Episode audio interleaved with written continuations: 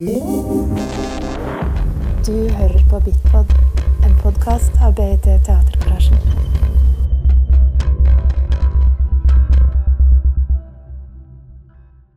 All right, I hope you all enjoyed lunch and that you're not falling asleep from all the carbs. Um, yes, uh, Knut Ove Arntzen, uh, the next speaker, will be familiar for many of us here. Uh, he's a Norwegian theatre theorist and professor at the Department of Linguistic, Literary and Aesthetic Studies at the University of Bergen. And I dare say, our foremost authority on avant garde and contemporary performance. And he's written extensively on this subject. Knut Ove tells me he was introduced to Situationism around 2002 2003 when he was invited to lecture on the topic at Kunsthall Oslo. At this point, Situationism was slowly beginning to be recycled as part of the actionism occurring at the time. Um, it has continued as a central reference in his research, among other things, in the dialogue with Elspeth Draff on Group 66. The word is yours. Yeah, thank you. And, uh, I hope everybody can hear me when I say like this. Is uh, very good. So um, it was very uh, interesting to hear to the two previous uh, speakers today.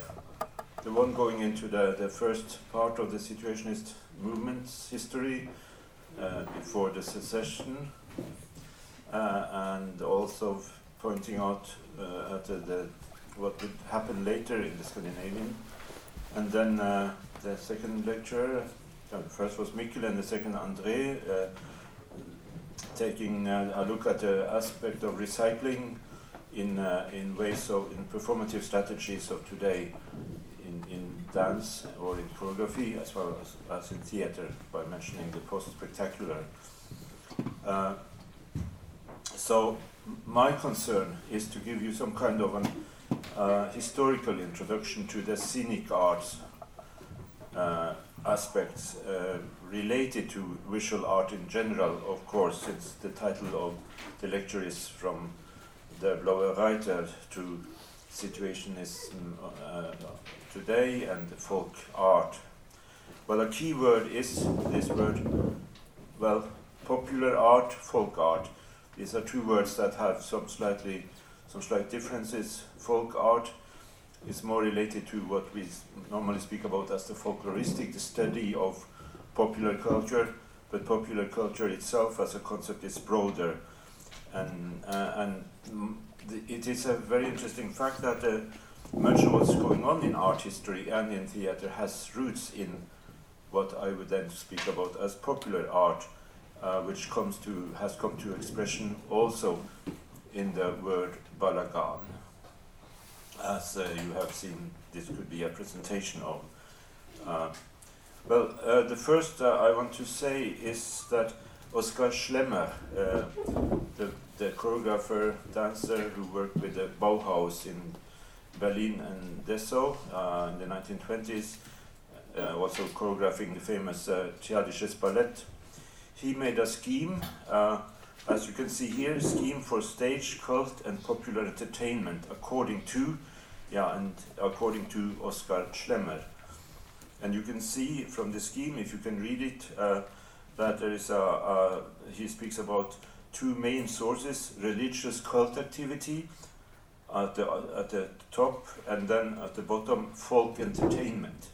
so he uses the word folk entertainment. Uh, well, nevertheless, what kind of, of art form you, you love the most in opera, ballet, or in, in drama theater, very much of it has its roots in either the religious cult activity or folk entertainment. And in the middle point stays theater, stage, theater, and then related to consecrated stage, festival stage, the, festi- the idea of the festival, which com- came about in the late 19th century, culminating with the Salzburg Festival and the Bergen Festival in Norway, a festival in Bergen, and then the influence, the borderlines to to to cabaret, vari- variety, vaudeville, circus. Uh, so, so uh,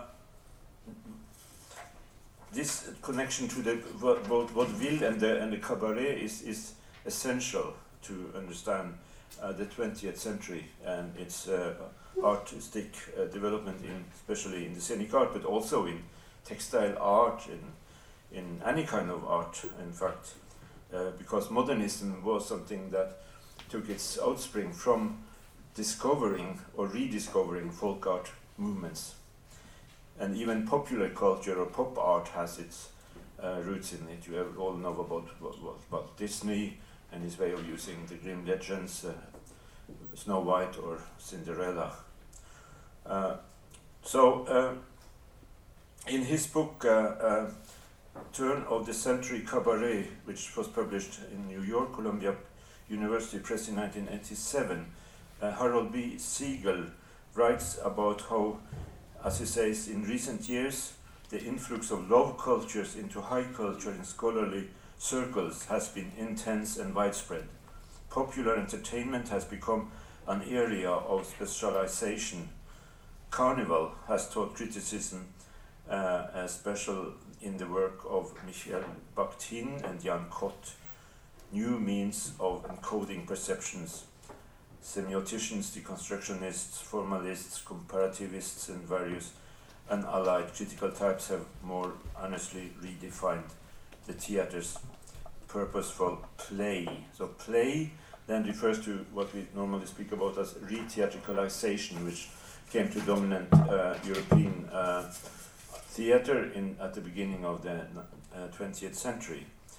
Um, after a period where uh, the bourgeois theater or melodrama and also the, the pièce bien faite, the film drama, had culminated with Ibsen and the complete uh, illusionist theater, and and then came uh, the, the, realistic, psychological realistic, and naturalism, which then people got got uh, bo born by.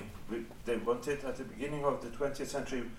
We don't want illusion anymore. We want uh, uh, the theatrical. We want playfulness, and and and and that was the, the, the starting point for for also researching into the popular forms of theater, which uh, was Commedia dell'arte at first hand, the pantomime tradition, uh, which also Jacopo refined in his way of including the whole physical body of the actor. And in, in the, the, the lecture performance uh, shown by, uh, uh, uh which we will show without the presence of himself, David El Elliott will also advance a little bit upon it, this. but let me speak about the situation in Russia and in the Ukraine, uh, which were countries uh, at the beginning of which at the beginning and, and the 20th century produced many many international artists, the Ballet Russe, Les Kurbas, Meyerhold, and so on. So much of, of what became uh, the theatrical theater of the 20th century had its roots there, and this and Russia and in the Ukraine, uh, and you know Ukraine means borderlands. Uh, and and uh, there were many historical influences also from the Byzantine Empire. And in the Sofia Cathedral in Kiev, you can see a fresco from the from the uh, one from from the 10th century, this depicting dancers and musicians. In relation to the old contact with the Scandinavian countries, well known in sources from the Viking area, there are some in interesting tracks that we may take notice of. One is the story of Viking funeral rites from Ibn Fadlan's description of his journey uh, in, in the 8th and uh, the 9th century, where he described the funeral practices of the Vikings in the east along Volga. Uh, and, and there is also Viking graffiti in the Hagia Sophia in Constantinople, Istanbul, some of you might have seen. And, and then there are the tales of the child traders who would take part in cultural exchange. So there was developed after Christianity some kind of uh, uh, tradition in the Ukraine, which is spoken about as the Vertep tradition or Christmas pantomime. And then mentioning the word Christmas pantomime, some of you might know, yeah, but in England, that Christmas pantomime is very common. Of course, it's a kind of uh, uh pantomime theatrical expression originating in the pop, in popular rituals and also in religious rituals, just like uh, Oskar Schlemmer describes it in this scheme, as you as you see. And and uh, and of course, I shall not uh, uh, go into the to the discussion about how theater or did or did not survive in in in in, uh, in the Byzantine Empire. That's another topic. But let me mention that that uh, uh, that that excuse me just let me find the track.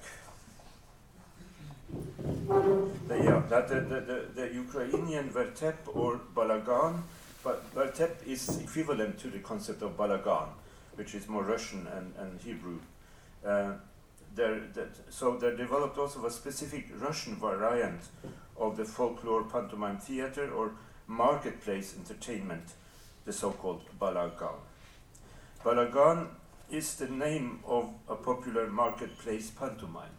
So the definition of balagan is, uh, is a popular marketplace pantomime that may have come to Russia from Western Europe via the traveling pantomime troops with roots in Commedia dell'arte who would travel along and go to marketplaces and stage their, uh, their plays based on theatricality and the spectacular illusion of, of torches, of balancing, of killing, uh, excuse me, of killing Harlequin diff many times. Yeah, let's go, go yeah. So, uh, so this this uh, Théâtre de la Foire or Jahrmarktsunterhaltung, which also was names of the of the uh, this uh, market entertainment. Well, in German it's Jahrmarkt, in French it is Théâtre de la Foire, and in Russian it's Balagan. So, so, so this was a fashion that spread outside many many places in Europe and, and, and was marked also by, by the grotesque expression. Uh, the grotesque was an important dramaturgic uh, uh, uh, element of this uh, tradition, which you can see examples of here, like from, from, from different kind of commedia dell'arte sketches, like here, Harlequin in Poland, and here uh, L'Enlèvement d'Isabella, the the capture of Isabella. Uh, so you can see the contrast between the high society and the more grotesque popular. And this image here is a very good expression of the grotesque aspect of the pantomime tradition uh, from the uh, 18th century. And uh, here is a more uh, quiet uh, image from Peter Bruegel, a landscape, which would contain all a frozen lake with skaters, and and then there would be a marketplace. Uh, so this inspiration from the uh, from the spectacular illusionism of the Commedia dell'arte, making people vanish in space in, in the air. Like I said, Harlequin would be killed different times and he would be put together again. So it was a kind of grotesque uh, uh, style which uh, which then uh, came into the avant-garde theater, like also with Konstantin Stanislavski uh, in his staging of Knut Hamsun, play of life, or drama of life, as the Russians say, the drama of life, uh, which was a production that Stanislavski did in 1907 in, in the Moscow Art Theater. Uh, and he used uh, many scenography which is reminding of the marketplace. If you see this image here, can you see it? Do you see this figure here? It's the carousel. The carousel. This is the market square area, which in, in Hamsun's play is uh, uh, probably is Melbu in, in, uh, in uh, Vesterålen. Uh, and uh, and Stanislavski was very eager to create a kind of Norwegian atmosphere of this place about the, the, the, the philosopher going to the north to write his dissertation about Nietzsche, but being ca- capped, being caught in between the rational and the irrational of the nat- nature forces of the north, which then uh, uh, was culminating in in a tragedy after the daughter of the or the merchant in in Melbu has had been uh, uh, falling in love with him, and he wanted she wanted to revenge and she wanted to capture him, uh, and then just to make an example, this way of staging uh, of, of acting this scene uh, of the marketplace was at that time in 1907 not only inspired by Balagan or but also by Isadora Duncan, a kind of ballroom acting style. So, so the, the, the, the dance, and the ballroom dancing and the rhythmic ex- physical expression, like inspired by Jacques Dalcroze, as well as Isadora Duncan, the tango came into the milieus and, and, and, and the whole thing, and the apocalyptic would be a kind of topic uh, which uh, was very popular at the time. So in, in this marketplace situation or this Balagan situation that Stanislavski created for his uh, his uh, staging of, uh, of Hamsun, then in the third act is the culmination of the play according to Stanislavski, and the clue is the marketplace of life. That the marketplace is the marketplace of life. So the marketplace is a metaphor for, for life, where everything happens. And if you look very clearly into the program, as you have all got, there is a, a, an image of from Walter Spies, a German Russian. Uh, uh, can you find it?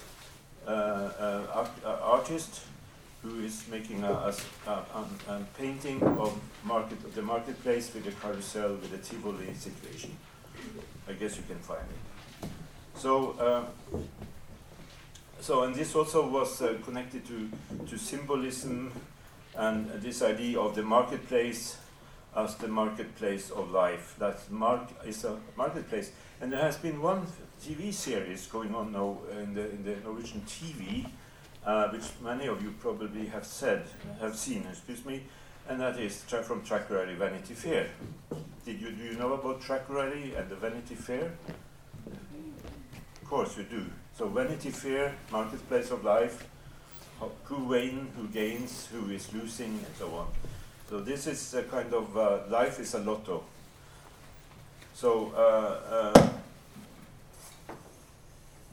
so this this uh, is is uh, coming to expression also in in in the uh, art of Russian avant-gardist painters, painters like like Kandinsky.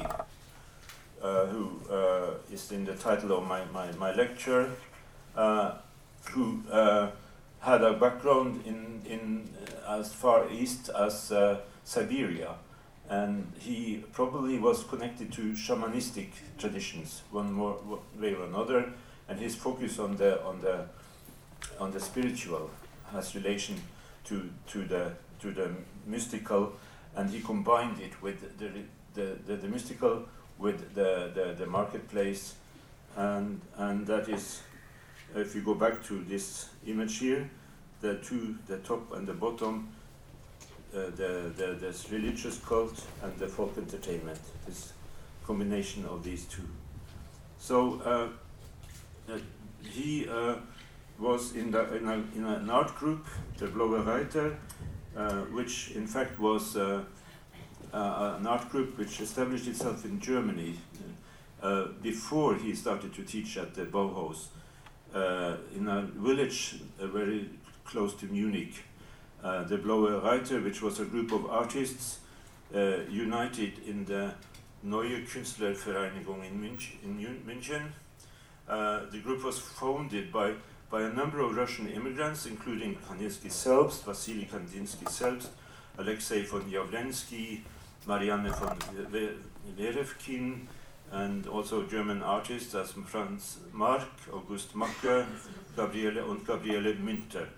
Uh, so there were two women among them, and they were more or less forgotten, but Gabriele Münter has had a huge exhibition in, in Louisiana outside Copenhagen recently. So the, the, the Blauer Reiter was an art movement that took its inspiration from the folk art in the area of, of, of Bavaria, in, from Bavaria. So the, the, the notion of the Blauer rider, the blue rider, is a kind of uh, uh, peasant uh, way of, of making paintings. As you know from Norwegian folk art, uh, in, in the decorations of, of, uh, of timber houses with naivistic paintings. So, so, so this was the, the origin of the name Blue, Reiter uh, uh, is in, in folk art, uh, which was a, a, painting that was in, in the house that they lived in, in this village north of Munich. Here you can see the, the, the, the painting by Kandinsky, the Blauer Reiter. Uh, um, so, uh, so mentioning folk art uh, or popular art in this context, we, we and referring to to peasants' paintings uh, in, in on timber walls and in in in uh, that would refer to the kind of naivistic painting. Naivism is a part of art history, and and uh, uh, there was another artist which came to be of great inspiration to those who started the Cobra, Paul Klee, because he he started to write uh, to to paint in a naivistic way, especially describing his children, they growing up, uh, which was a painting that was uh, was not perfectionist, but was as I say, naivistic. And this became uh, a source of inspiration of the, the artistic environment in Copenhagen in the 1930s and 40s. Uh, there was a, a, there was a periodical, an artistic periodical, which was which was edited in, in Denmark in Copenhagen during the 30s and 40s, uh, Havhesten, uh, the, the, the sea, the sea, uh, uh, the seahorse, the seahorse, uh, where uh, they presented Paul Klee. And it's very interesting because this was during the German occupation of, of Denmark, uh, where the settlement in Denmark was that the, the, the, the, and the, the occupation forces should not involve in, in, in the civil life, so the artists were quite free in that period to do whatever they wanted, and they used the time well. And, and they got a kind of uh, impetus by studying Paul Klee, uh, which then was, was uh, into, came into the uh, work of the, the Copenhagen, Brussels, Amsterdam uh, Cobra, which we already have heard about earlier today, which existed from 1948 to 1951.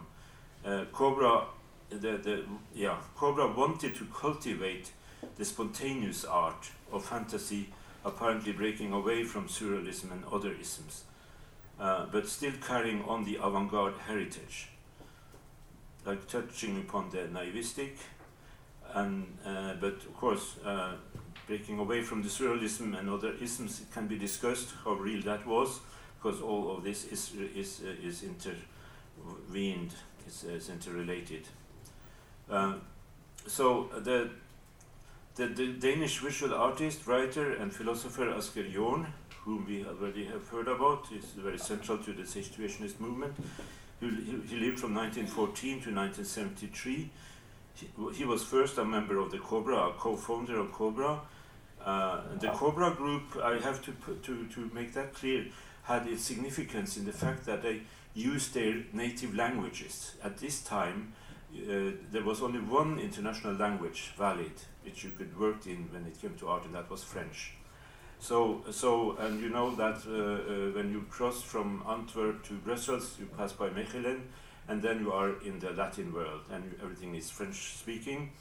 Uh, and then uh, uh, also reflecting the fact that things happening outside the area where you speak French would not be so so accepted or known, and that also refers to the history of the, of the Scandinavian movement, uh, why it was not known. They started to use their own languages, Danish, Dutch, or Flemish, uh, and discovering that they could very well be artists in this language, and they wanted to have another international language which, which, which would simplify, which was not a hierarchical language. They, they looked upon French as a hierarchical language and they formed English, which was uh, then uh, uh, became the, also the language of the Situationist Times, uh, which was a periodical published in, in Copenhagen and, and Paris, uh, edited by, by, uh, by, by uh, uh, Jacqueline de Jong.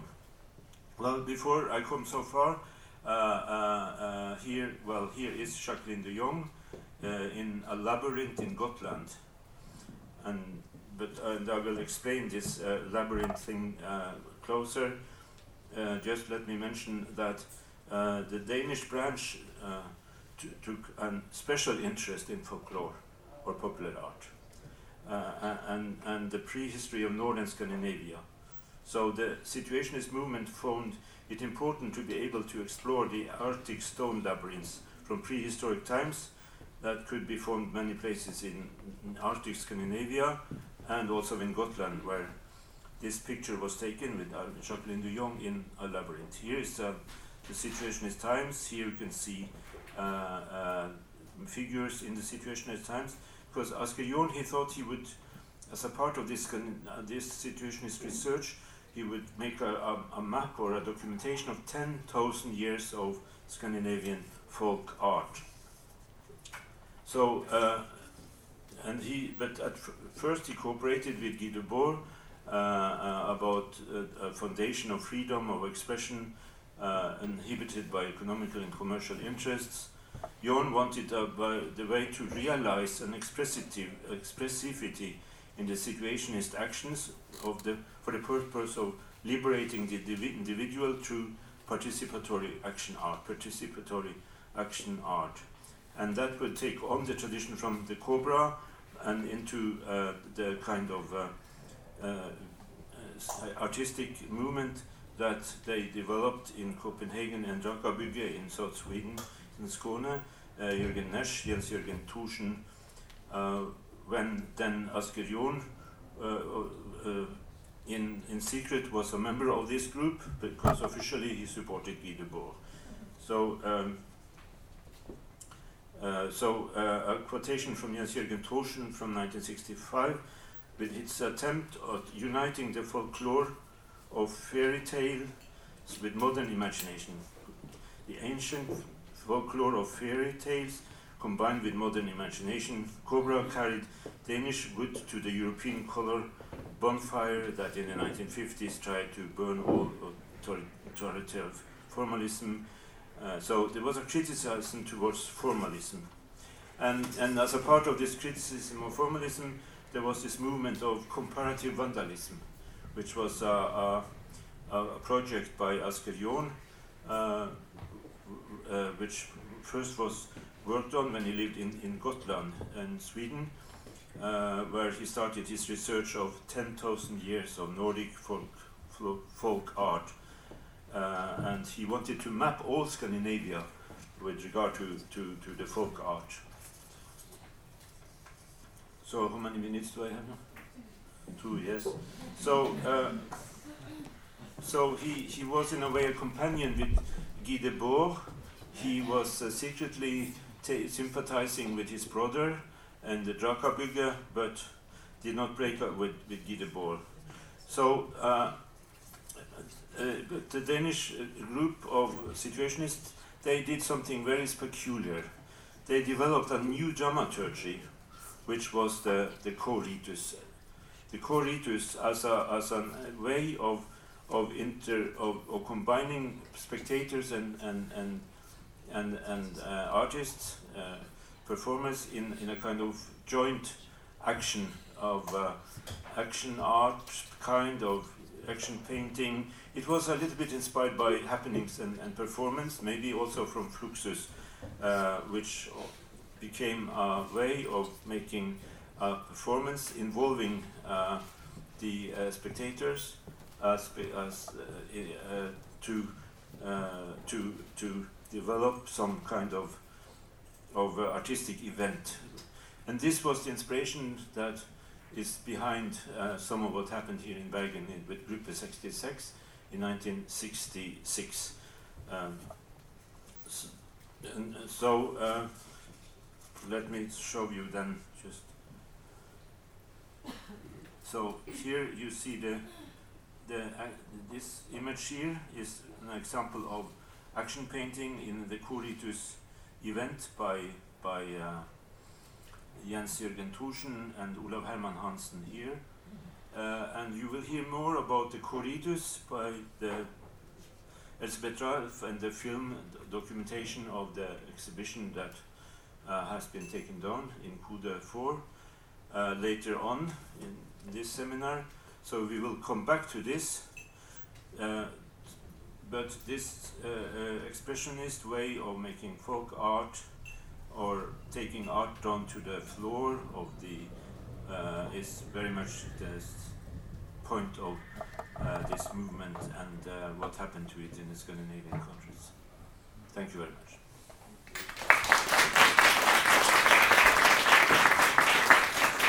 Was exactly on time, actually, so that's uh, impressive. Um, all right, uh, let's open for some comments and questions.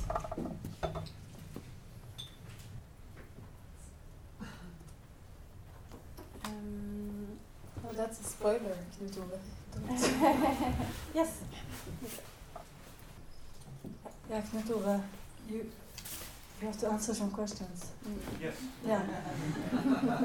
I was just. Uh, it was very interesting, but also quite a quick uh, run through of a lot of things. And I was just. Please repeat it? Could uh, the question is, could you clarify a little bit if there is any connection that you see between Balagan and Vertep and uh, Group 66, for example, Yeah, and the it- Coritus, yeah, and yeah, in what way? yeah. The connection. Yeah. You asked for the connection.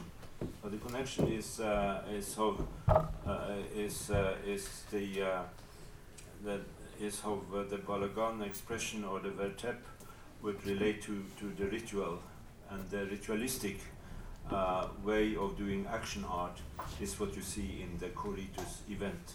So it has this combination of the folk, folk of the popular and the, and the ritual at the same time, which then is the uh, is the source of uh, of the of the of the balagan and the, so there is an interaction. There is no not a linear connection like going from that to that, but it's uh, it's the the art scene of the mo- of modernism in the uh, in, in in the first part of the 20th century, uh, taking inspiration from Kandinsky, who clearly had his roots there, and Paul Klee, who also inspired by popular art and naivist art.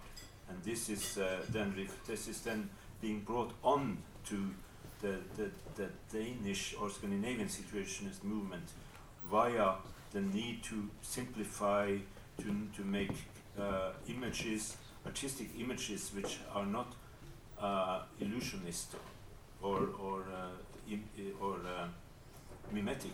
So the breaking away with the mimetic, with using grotesque means of expression. Follow-up question. So, in what way is Vertep and Balagan ritualistic? Uh, can you can you give the uh, Ilsa the mic- microphone, please? In what way is it Balagan and Vertep ritualistic? Is that the Yeah, Balagan and, and Ver- Vertep. Uh, Vertep has its origin in, in rituals, in, in religious rituals of the, the East, the Greek or, or, or Ukrainian Orthodox Church, dating back to the combination of uh, the, the ritual ways of using jongleurs and circus-like artists in, in the Byzantine Empire or in Constantinople in bef- before year 1000, which spread, which became a part of the carnivalesque tradition. So the, the meeting point is the carnival. And you can find it in southern Europe today. If you go to Spain and Italy in Eastern times, you see exact how it started, how the grotesque and the popular has uh, has uh, ritual origins. All right. Thank you, Knut I think we have to move on uh, to the next uh, uh, part of the program. Um, and uh, if there are more questions, uh, Knut is also here tomorrow and, and we can take uh, some comments and questions, and I can. Yeah, yeah. Uh, so, I'm very happy to uh, introduce our next speaker, Marika Reuterswärd, who's vis- visiting us from Malmö. Um, Marika was actually introduced to situation, situationism very early in life uh, through her father, the artist Carl Magnus, who in his early artistic career for a few years was a part of the Bauhaus situationists. Today, Reuterswärd is an art historian, uh, active as both a curator, lecturer, and writer. Since 2014, she's been the director of Kristianstads Konsthall, Sweden. Marika will be speaking about the Situationist artist collective Drakabygget that was based in Skåne and the branch of situationism, situationism known as Bauhaus Situationists or the Second Situationist International and perhaps shed some light on the conflicts within uh, the movement. Um, yes. Okay, thank you very much. Uh, first of all, I want to thank you for inviting me to this program in Bergen. I think that it's a very interesting um, selection of, of speakers. Uh, discord gives strength.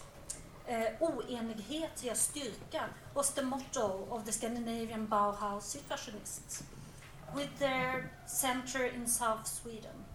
It also the title of the exhibition I curated in 2017 together with Carolina Pettersson and Anneli Tuveros from Mjölby Art Museum outside Halland, or Hamstein. Uh, the exhibition was based on the activities of mainly the artists associated with the farm Drakabygget between the years 1960 and 1975. The exhibition and also this presentation is just a scratch on the surface of the complexity that this art movement holds. So I decided today to talk mostly about their happenings, or rather anti happenings, as this is. Uh, oops, I did the wrong thing here. As uh, this is a dance and performing festival. Uh, now we go to the next image. Uh, the beginning and development of this chaotic international avant-garde collective at the farm of Drakabygget, uh, where these people lived, partied, and worked, is not quite easy to follow, as you already realized after the former speakers. Uh, they had, or they were created with a desire to collaborate across borders and practice, to strive for symbiosis between modernism and folk art in a playful and anarchic manner. Uh, in my opinion, it's most interesting to look at their first years when they developed different methods, among them the Coritus. And it's also where they are most radical. Together, they perform a wide range of public actions and spectacles that made them well known in the Danish and uh, to the Danish and Swedish people at this time, thanks a lot to their um, relationship to the media or mass media. Uh, their message to provoke and destroy the norm, I could also say. Uh, for planning this exhibition, I'm very grateful for the research conducted by Mikkel Bolt Rasmussen and his colleagues because it's very little written about them except for their own books and, and uh, printed material. Uh, regretfully, very little Swedish research have been done. Uh, so we in the curatorial theme, team had to uh, start by interviewing those in the movement that were still alive. And it turned out not to be so easy. Uh, those in the movement provided conflicting uh, information. Some wanted to tell anecdotes, anecdotes only, or tales, amazing tales. And some others said that they didn't remember anymore, or didn't want to remember. And several of the members also had a deep mistrust of the established art world and the academia. They didn't like how they had been described before, uh, by what they call the outsiders. And I'm, as you heard, not being a total outsider, being a daughter of one of their uh, former members, uh, were a bit more accept acceptable, but it also put me in an awkward situation when I was trying to be objective. Uh, the Bauhaus Situationists produced a lot of artworks, but not always in a durable material. Most of the urbanistic action artworks were not documented, and if they made a sculpture or a painting, uh, it wasn't made to last, only for the moment. And also, because they thought the product was of secondary significance, a lot was also crap. Uh, several smaller exhibitions have been shown in southern Sweden in the last 10 years, uh, where more or less the same art materials have been shown. So for us, it was also important to try to find new materials. What did they hide in their own collections, in, in their drawers and on their own walls in their homes? And some we find that hadn't been shown for at least 30, 40 years, but some of the material was also uh, quite often uh, exhibit or shown. Uh, we also had to uh, complete. Uh, hmm, we had to make a few complementary loans from different museums' collections to get the whole exhibition, and it also contained a lot of archive materials and films. So Discord was the reasons for the whole thing, um, and that also made it complicated. Serious contradiction surfaced, uh, as you heard from former speakers, between the mostly French social theorists and the Nordic German artists in this international situationistic movement. Uh, the yearly situationist conference took place in Gothenburg in August 1961, and shortly after, almost all the members of the Scandinavian section decided to leave, and later they were expelled from the international group. Uh, Debord had by then already expelled Italian, British, and German members. Uh, the brawl that split the situationistic movement uh, into two halves, as you already know, the Bauhaus Situationist formed the second Situationist International, um, together with the German artists of the Spur group, and also the eclectic international network, network around the Paris uh, based situationist times. Uh, between 1962 and 1963, a lot of action and exhibition were made to annoy each other um, because Debord was furious with the former Scandinavian section that have stole the situationist idea and their interpretation of it.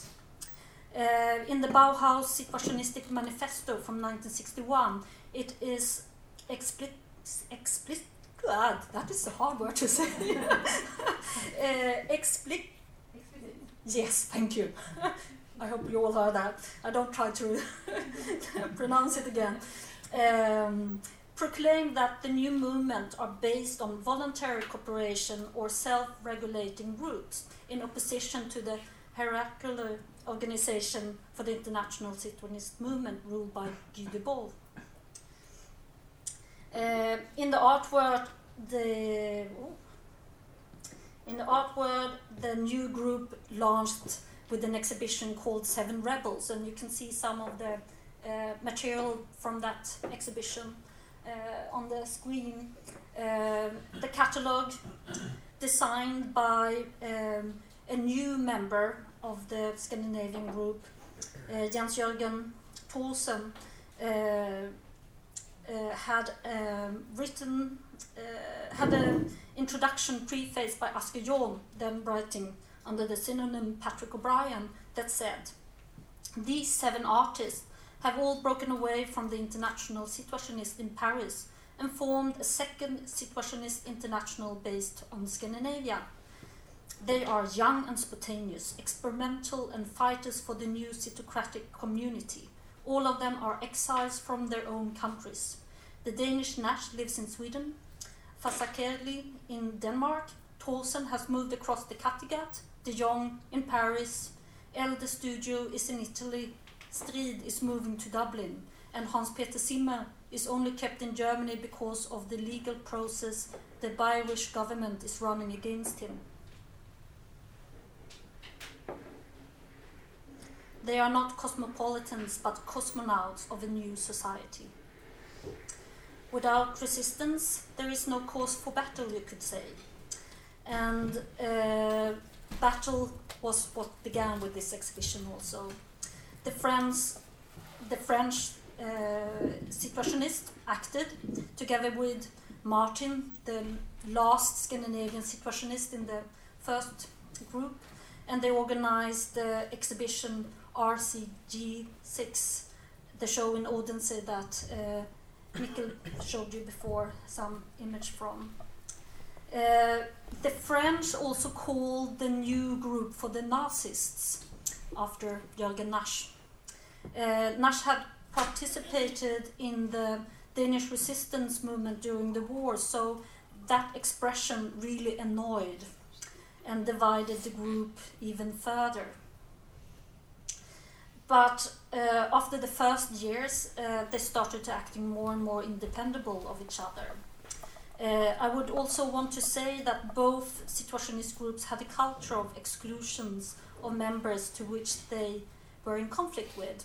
Um, my father became excluded from the second situationist movement, but brought back on several occasions, uh, so no hard feelings in, in the long run as with Martin, that also uh, after the international situationists started uh, disclosed, uh, he went to his old friends in, in the in the Bauhaus situationist movement to keep on working in a situationist way.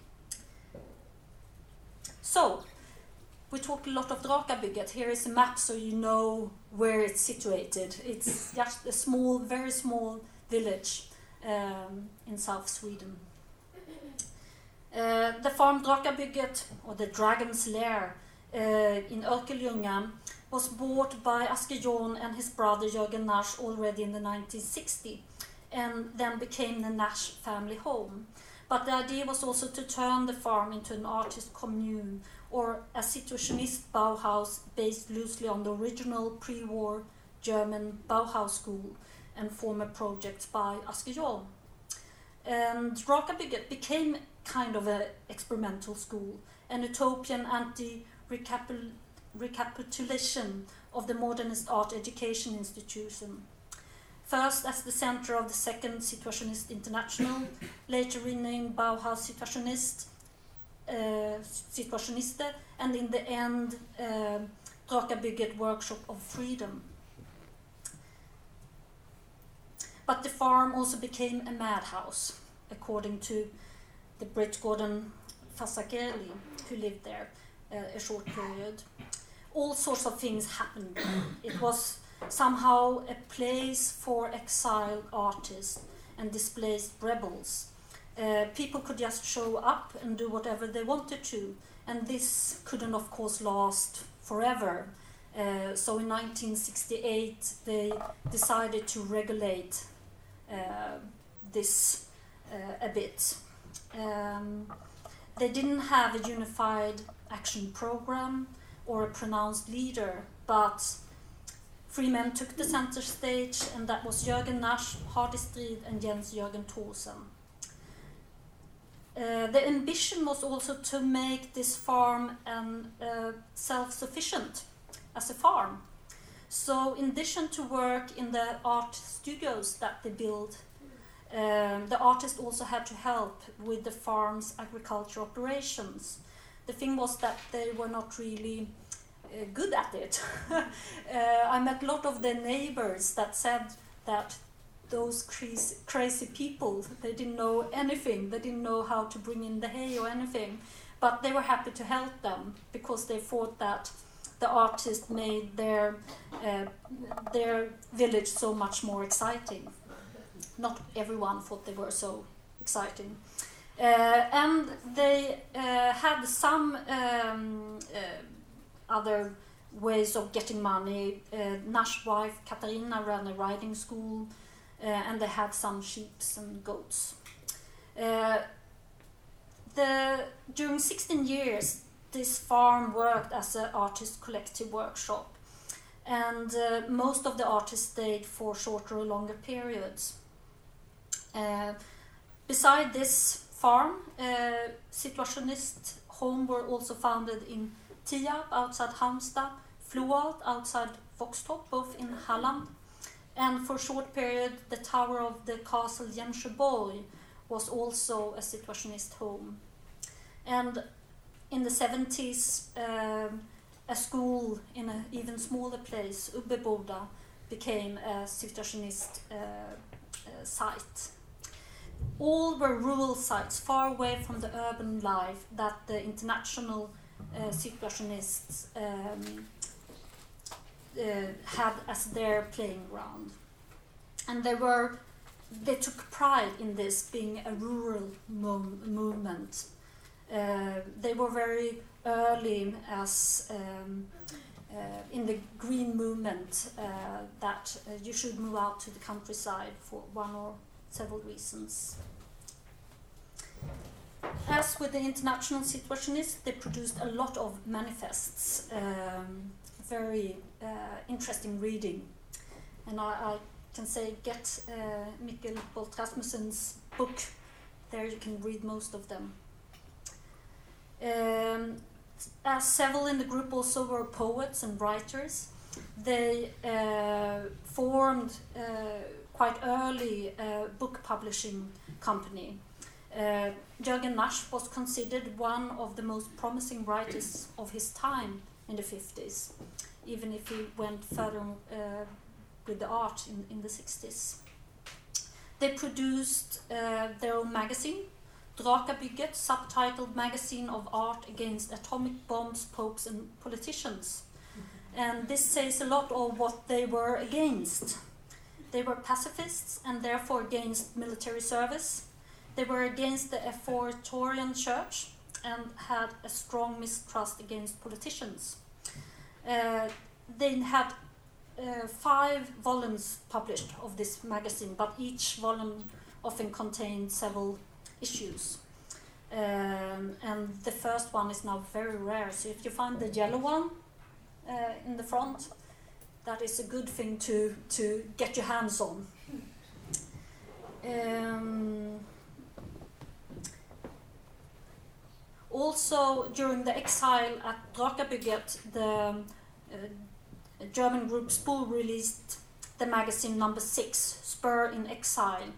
Uh, and the group Spur exhibit and cooperated with the Bauhaus Situationist in several exhibitions and uh, actions. Uh, the literature and manifest was also used in their happenings. Uh, they read uh, both the manifests and poetry, the Situationist poetry, aloud um, um, repeatedly. Um, it's rare for an art movement to be completely original, as the visual art of Bauhaus Situationist is very colored by Asger Jorn's art practice. Um, it's interesting because the international situationist as an art movement did not produce so many artworks. As a matter of fact, if one should take Jorn's and his work out of the situationist equation, the movement's output is next to none. Uh, and in the first half of the 1960s, the Drakabygget artists worked mostly in the abstract expressionism and colorism, often uh, together. Um, and you, sometimes you don't can see the difference which artists have made which painting. Uh, you can see the several artists that worked on the poster you can see on, on the screen. Um, so the legacy from Asger Jorn and Cobra is very obviously obvious. Um, most of the conflicts on the farm was about money.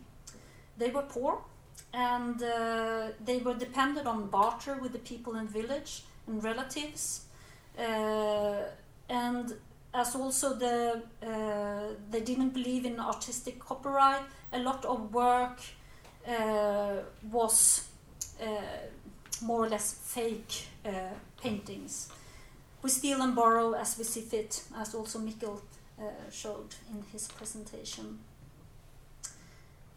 Um, but they also did uh, new work that that was showing a future, like this uh, sculpture collage assemblage created by Hardy Strid, uh, titled "The Fan Club: Become a Member," and uh, there they use the the um, the headlines from from magazines.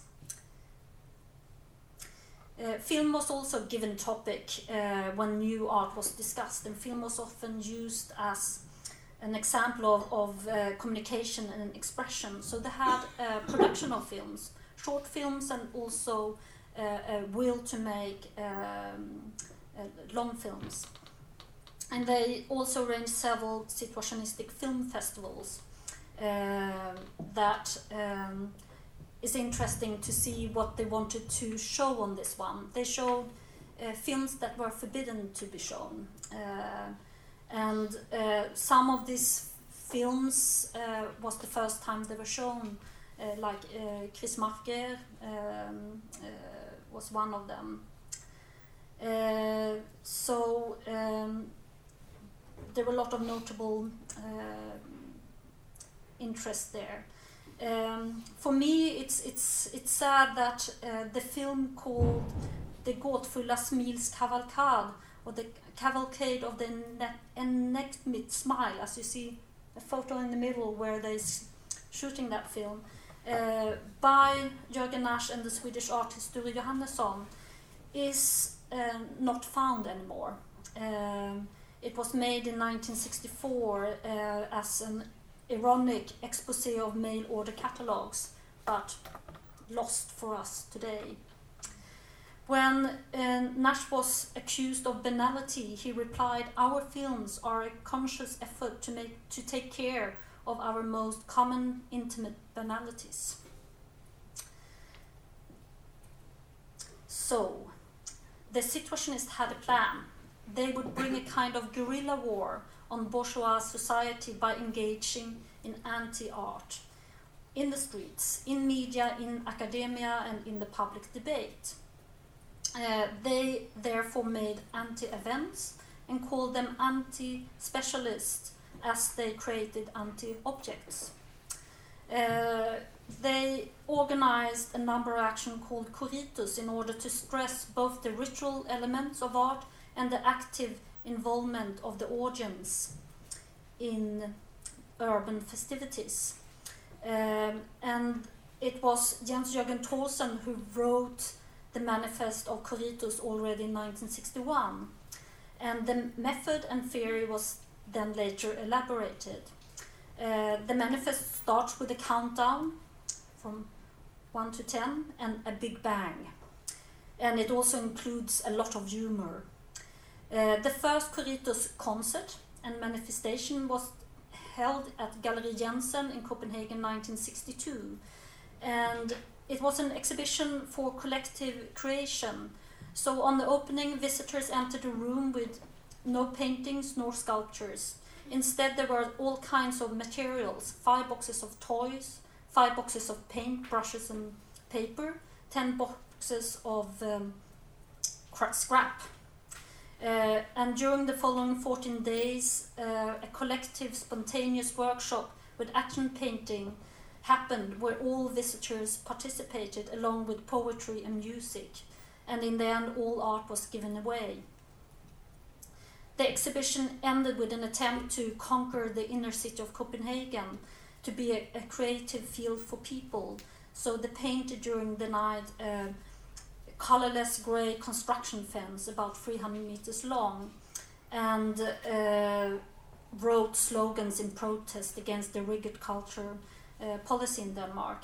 In the morning, they were arrested by the police, sentenced to fines, and ordered to paint the construction fence gray again, as they, uh, of course, uh, said no to, uh, because they said we could paint it green, but no, it should be grey. but they received support from um, people in Copenhagen who collected money to pay the fine. And this event was unique as the theory of situationism had been implement, uh, imple implemented in practice. And it was also featured by by artist actions, the involvement of police and police cars as backdrop, a street spectacle. Uh, and a number of these provocative actions now started, often resulting in police intervention and plenty of press attention. That, of course, they asked, they, they told the press themselves that this would be happening because they wanted the attentions. Uh, the use of mass media became an important part in the creation of these works. So we can call it the start of, of um, um, media art. And now I have to. That here you can see some images of, of uh, work they did. Uh, spiral labyrinths, spiral mazes.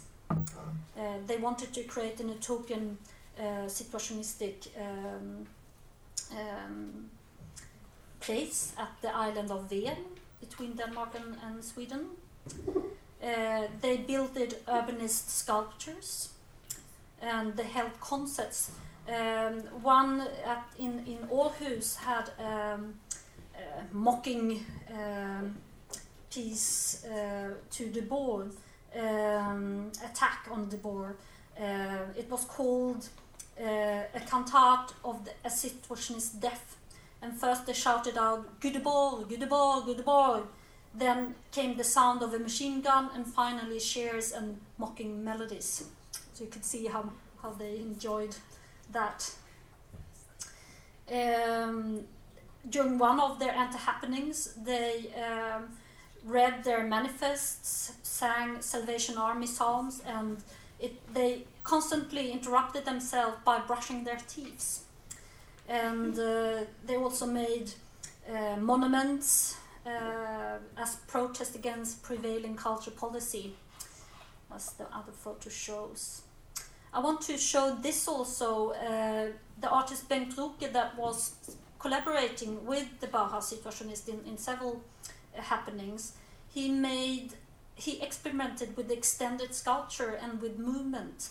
In his sculpture game titled Room at Lunds Konsthall 1965, uh, he had 30 participants in, in this uh, event. Uh, the performance was preceded by marketing a very conscious part of the game and advised by Jørgen Nash, uh, both in television, in press, and at, in the illegal commercial Radio Syd that operated from a ship in Öresund. The performance was advertised as for adults only, so this led to long queues outside the art gallery, and not everyone was who wanted uh, could come in. Uh, the action in the sculpture game uh, began in a wooden construction on two floors with arms in several directions. The spectators sat around or inside the sculpture that filled the entire front hall of the art gallery. And the sculpture was painted in clear, pure colors. There was also different kind of materials hanging down, like plastic, shiny metal, foam rubber, ropes, machine parts and the center of the sculpture was covered with uh, sawdust that wa was watered to create a smell, uh, all for a circus atmosphere. Uh, three lightly dressed girls, live Barbie girls as they are uh, presented in, in, the, in the script, participated, and that's why the event was for adults only. Um, and they also had a very um, designed uh, sound collage with speech, song, pop, jazz, operetta, electronic mus music that was performed, and also other kind of sounds that was kind of gross. So this would be an interplay between uh, circus, concert, and theater, um, and uh, was about how children's play uh, and how their relation was to adults' play. Now I think my time is almost away from me. Uh, very quickly, some images so you can see other um, things they made. Just clicking through them. The most known action was, of course, about the decapitation of um, the Little Mermaid, uh, the national icon of, of Denmark. That on the two-year anniversary, Jørgen Nash stated that he knew who the culprit was, but refused to disclose the identity. And this became um, an anti-happening because rather than committing the act himself, Jørgen Nash wrote a historic tale about the murder of the Little Mermaid. And due to the mass media's desire uh, to create scandals, it spread uh, all over the world. And um, he promised to reveal the killer uh, in, in the magazine of, of the uh, Drakabygget. But when the number, number five and six, uh, came out, it was only unwritten pages. Uh, the only pages with, with text on was an explanation that this was an anti uh, event, uh, an anti happening. Yeah, they kept on during the, the 60s and 70s uh, with a lot of, of um, happenings um, that I don't have the possibility to talk to you about. but I just want to, to end it with mentioning the Uber Art Center because there are not so many women that are mentioned uh, you can find in, in the text of this. And one of the few that are worth to highlight is Mette Are, who became a member very early in 1962. And her most famous work was the cow performance that you see an image from here. Um, and uh, look her up. She's so interesting. And with that, here's the list of all the artists, some of the artists that was part of this. And um, I want to end the thing with saying that uh, be realistic, request impossible. The the international situationist exclaimed. So what I want to say with that is let us keep continue to scratch on the surface to bring the Bauhaus situationists more into the light again. So thank you.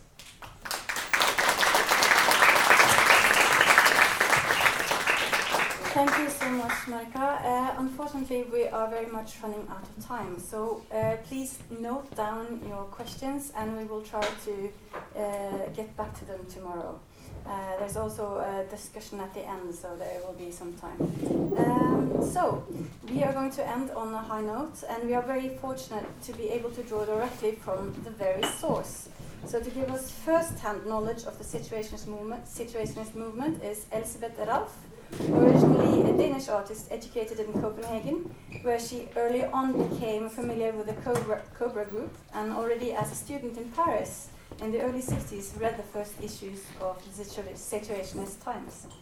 Together with Norwegian partner Olav Herman Hansen, Mette Åre and Situationist Jens Jørgen Thorsen, uh, Elsebeth went to Bergen to join Group 66. Here she played an important part in cutting-edge artistic developments that introduced happenings and installation work on the Norwegian art scene. Elsebeth wrote me, and I quote, the concept of our work, exhibitions and events, happenings, etc., was to eliminate the space between art and the audience slash the people. This was also a situationist concept, but we had it in our blood. We found it very important and thought of it just like that. Later work like the World Flags project has continued to explore the collaborations with the audience and has been presented worldwide.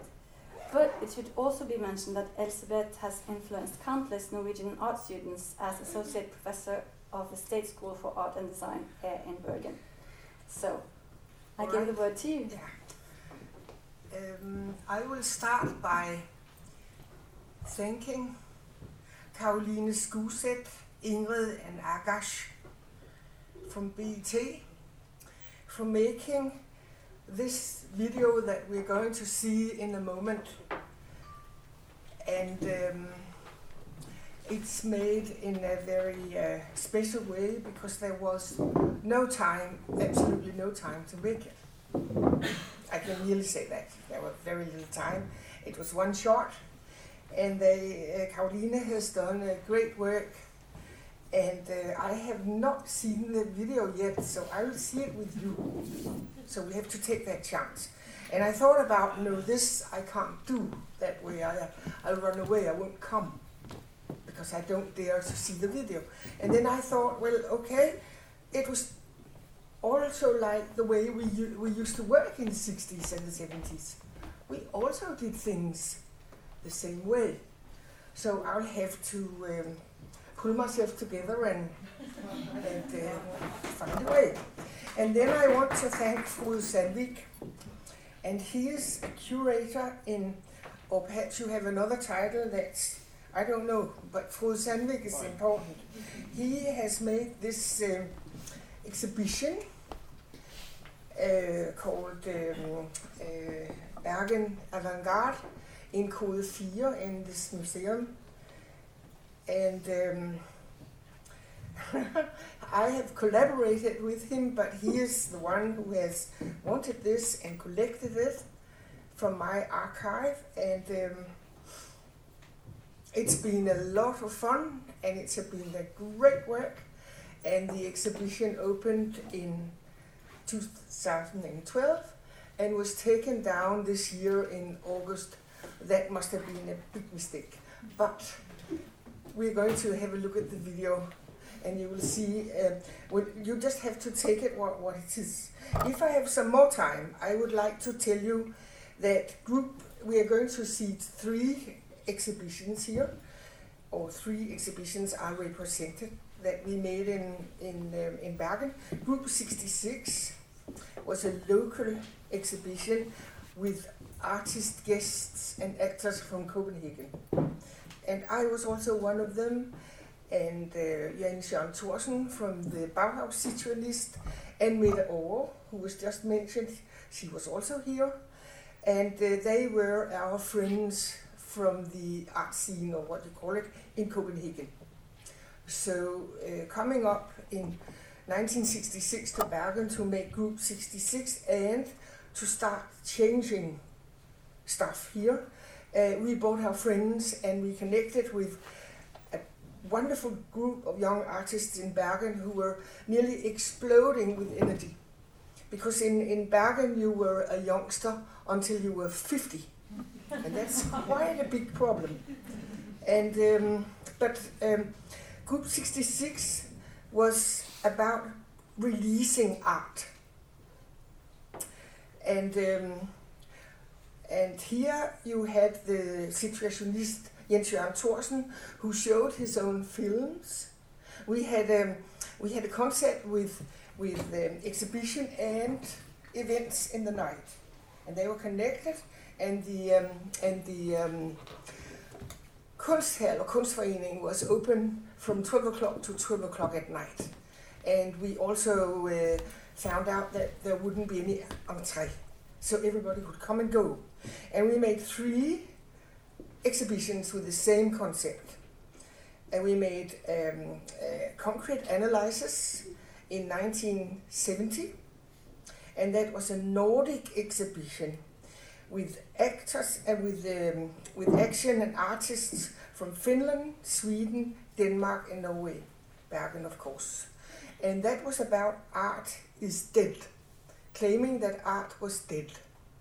And uh, you will probably hear the discussion here and the I hope you I hope it will give you something. We'll see.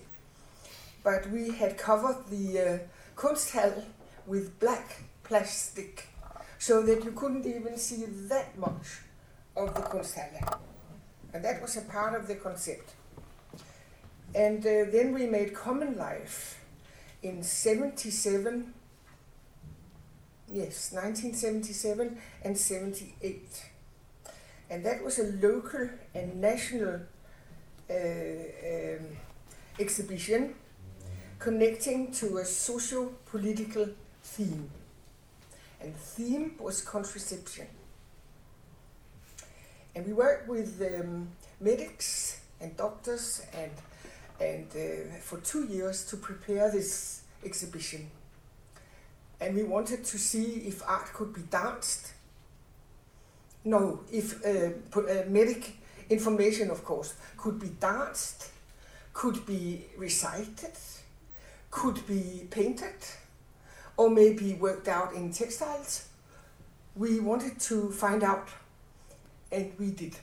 All the exhibitions had um, extremely lot of of uh, spectators or uh, audience, but we also had in this uh, concept in our concept that we wanted to diminish the um, the um, uh, the space. Oh, I'm sorry, the space between the art and the and the audience. And we tried that, and, and that went very well. Jens Jørgen Thorsen, okay, was one of the actors. And the time is all right? Yeah. Now you just have to take the chance to see the video, and so will I. Thank you.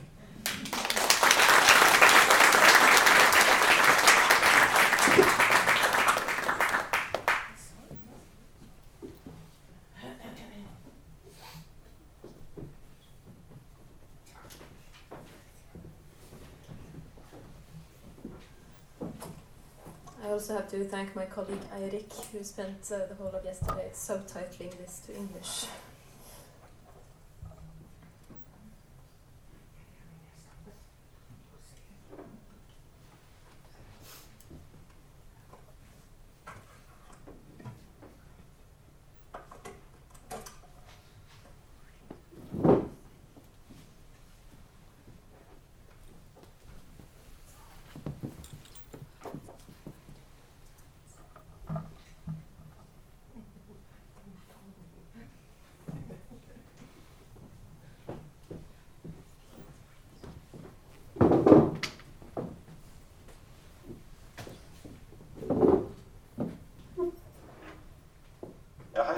Hei, Frode Sandvik. Er kurator for eh, en utstilling som heter Bergens Avantgarden 1966-1985.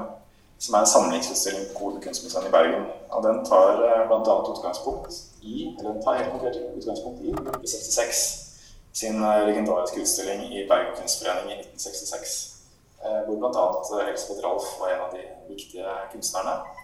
eh, Og følger kunstlivet gjennom et par tiår eh, derfra. Og jeg øh, hedder Elisabeth Rolf, og jeg er billedkunstner, og jeg har boet i Bergen siden 1966, altså omkring 50 år. Jeg har været med og øh, være aktiv under gruppe 66. Jeg var inviteret fra København til at komme op og være øh, deltager i udstillingen sammen med en, en gruppe af yngre kunstnere i Bergen, som øh, for allerførste gang skulle få lov at udstille i Bergen Kunstforening. Den ældste af gruppen var 42 år, så helt unge var vi ikke, men, øh, men der var folk på 19 år, og jeg var 25. Øhm, den udstilling var tværfaglig. Den handlede om at gå sammen, poeter, forfattere, musikere, billedkunstnere af forskellige art, og så tværfaglig som vi kunne få den. Og det var nok det, det handlede om, og gruppen var fuld af energi. Øh, jeg kom fra den københavnske kunstscene og var uddannet i København og Paris. Og min samboer, Olav Hermann Hansen, havde været i København i 3-4 år og i Paris et par år. Og der mødte vi hinanden. Vi kom der udefra med vores øh, netværk fra den københavnske kunstscene. Og netværket bestod blandt andet af gæster, som omfattede øh, Jens Jørgen Thorsen, skandinavisk situationist, og der blev lavet forskellige kveldsarrangementer under gruppe 66 med hans situationist på ritushandlingen, og Jens Jørgen Thorsen viste sin egen film, øh, blandt andet en pornofilm, men også Ritushandlingen, som du ser her, med Ola i sit elskede malertøj, og med Jens Jørgen sin prikkede sommerkjole. Det var en actionhandling, hvor publikum blev involveret, og hvor der var musikere og, og koncert Dette er en del av en samlingsutstilling som vi begynte å jobbe med i 2011, som eh, i 2012, over 1900-tallskunsten i, i, samlingen. Eh, og vi ønsket å ha dele samlingsutstillingen i tre deler. Så jeg har et internasjonalt eh, perspektiv og et uh, norsk perspektiv på norsk uh, kunst, og et lokalt perspektiv. Og denne eh, fortellingen om Gruppe 66 er jo en slags legende i det bergenske kunstlivet som er mye omtalt, men som det var gjort veldig lite eh, dokumentasjon på i, i, ettertid. Som er en veldig sånn, spennende mulighet eh, for oss. da. Altså, du forteller en helt ukjent del av norsk kunsthistorie, bl.a. det som handler om det situasjonistiske eh, innslaget. Og vi hadde noe kunstverk i samlingen eh, fra før, men veldig lite. Og, og, det vi hadde, var kanskje også ikke de mest radikale innslagene i Gruppe 66-prosjektet.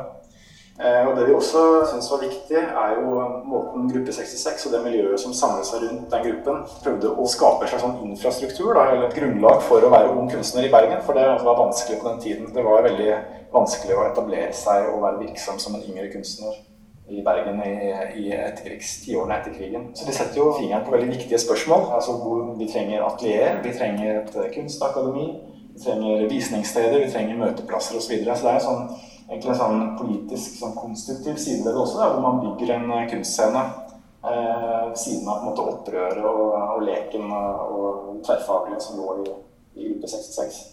Som også vi mener eh, synes i Bergen i dag, da, med forskjellige institusjoner som har oppstått på en måte i kjølvannet av Gruppe 66, bl.a. Vestlandsk Kunstakademi, Hordaland Kunstsenter osv. Ja, vi gik jo for at, at skabe et bedre miljø for kunst i verden. Og vi var i verden og lavede gruppe 66 og gjorde så godt vi kunne med alle de vigtige kræfter udefra fra vores netværk, som Jens Jørgen Thorsen, som situationisten, men også med Walt Rosenberg. Han var poet og skuespiller fra det kongelige teater. Han var også inviteret. Vi havde kvælder under gruppe 66 og de andre to udstillinger også det samme greb. Der er kveldsarrangementer, og det betyder, at man kunne komme og gå omtrent hele døgnet. Og det var gratis indgang. Det fik vi også til, så man kunne komme, være med alle sammen. Og der var publikumsrekord på alle udstillinger. Der var vanvittig tilgang af publikum. Det var meget interessant et NRK kulturprogram var for tre uger før udstillingen åbnet, og vi øh, sidder på 66 er samlet på den gamle paletten hos fru Frederiksen, hvor vi altid sad og diskuterede og tegnede og snakkede. Det var vores samlingspunkt. Og her har du øh, en hel bord fuld af alle gruppe 66 aktørerne, og øh, de bliver præsenteret hver for sig. Jeg er helt ny og øh, har været her i en del uger og siger ingenting for jeg havde også problemer med det norske. For eksempel Oddvar Torsheim kunne jeg jo slet ikke forstå. Men øh, det kom jeg jo til lidt derpå. Og her har du Lauri Grund, som var en central person i dannelsen af gruppe 66, absolut. Og han læser op sit manifest, som slutter med, har Bergen en chance? Han var, var vældig øh, mistilpasset i sin egen årgang og hørte mere til hos os, som var yngre. Det fyldte han selv. Hernede har vi Olav Søbeldynge, lavet af de pornografiske blade, som jeg havde med fra København. Nej, ikke Søbeldynge, men den, den er ikke til stede, men det er den anden collage. Og så har du Egils collage, som er der, og så har du plakaten, et forslag, plakaten, en skisse til plakaten, som er Olav simpelthen. Egil det, fortalte jo at den har begynt å lage det kollasjearbeidet etter å ha sett Asker Jords utstilling i Kunstforeningen i 1965. Han har brukt plakater som han har funnet på gaten i Paris. Ja, det, er, det er jo blant uh, arbeidene som vi har kjøpt inn og, og samlet på et, etter at vi egentlig etablerte utstillingen. Det er et sånn innsamlingsarbeid for museet også, vi prøver å dokumentere den delen av, av uh, norsk kunsthistorie. Definisjonen i 60-årene på en happening er en øh, handling med publikum, hvor du laver et regi for 30-50 procent af handlingen, og så bliver det ikke nogen happening, medmindre publikum spontant tager over handlingen og fører det helt sine egne veje. Det er definitionen på en happening. Hvis det ikke sker, så er det ikke en happening.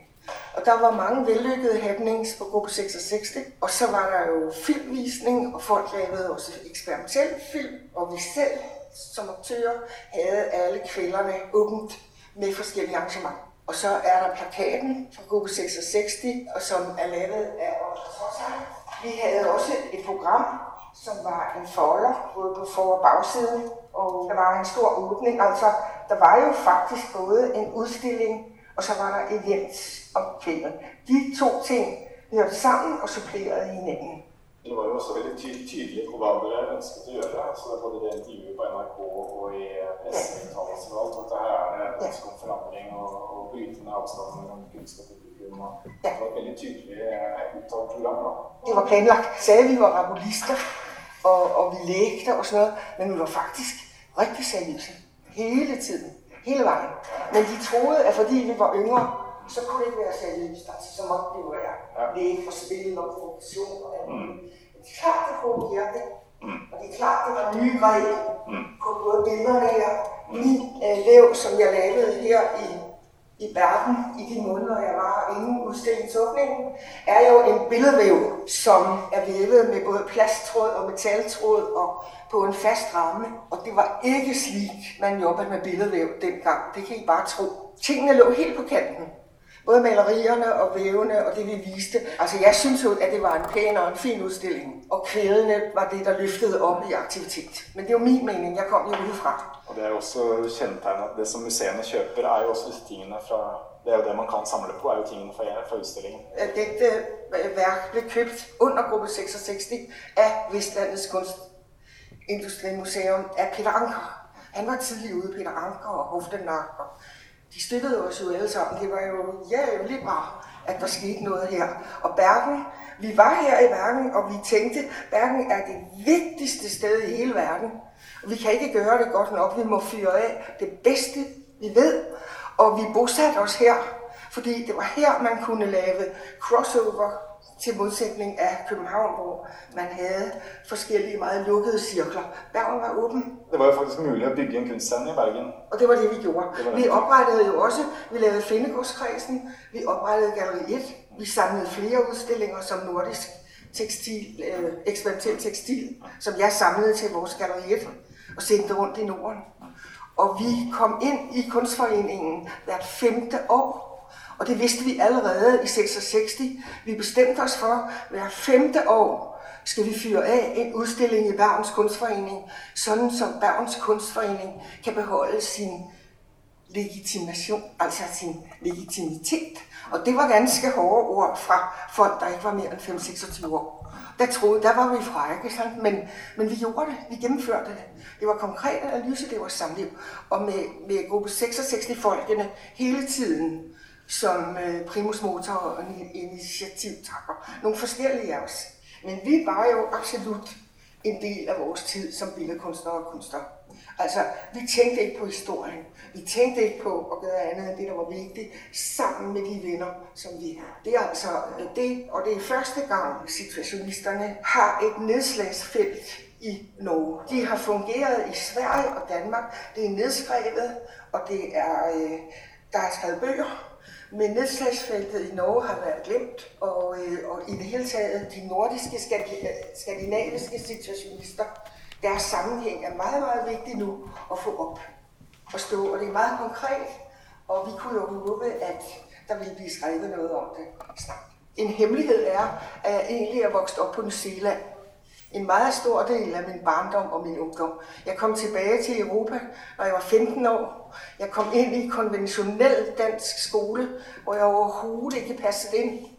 Og så var jeg over på kunsthåndværksskolen, altså på kunstskole, når jeg var 17. Der øh, har jeg mit kunstneriske miljø med min lange uddannelse i fire år på kunsthåndværksskolen, hvor jeg mødte Anne Hedegaard, som jeg helt siden dengang både har studeret med i Paris, arbejdet med i Herning, lavet projekter sammen, været med på at oprette de aller, aller første kollektiver i Danmark, som også nu er skrevet om. Det er meget interessant. Der var vi med som norske gæster, fordi i 66, der bosatte jeg mig ude i Bergen. Men miljøet i København, der var Olav tre år på akademiet, og han gik hos Jørgen Nielsen, og det var selvfølgelig billeder med dansk tradition og norsk tradition, som han arbejdede med i sin akademiuddannelse.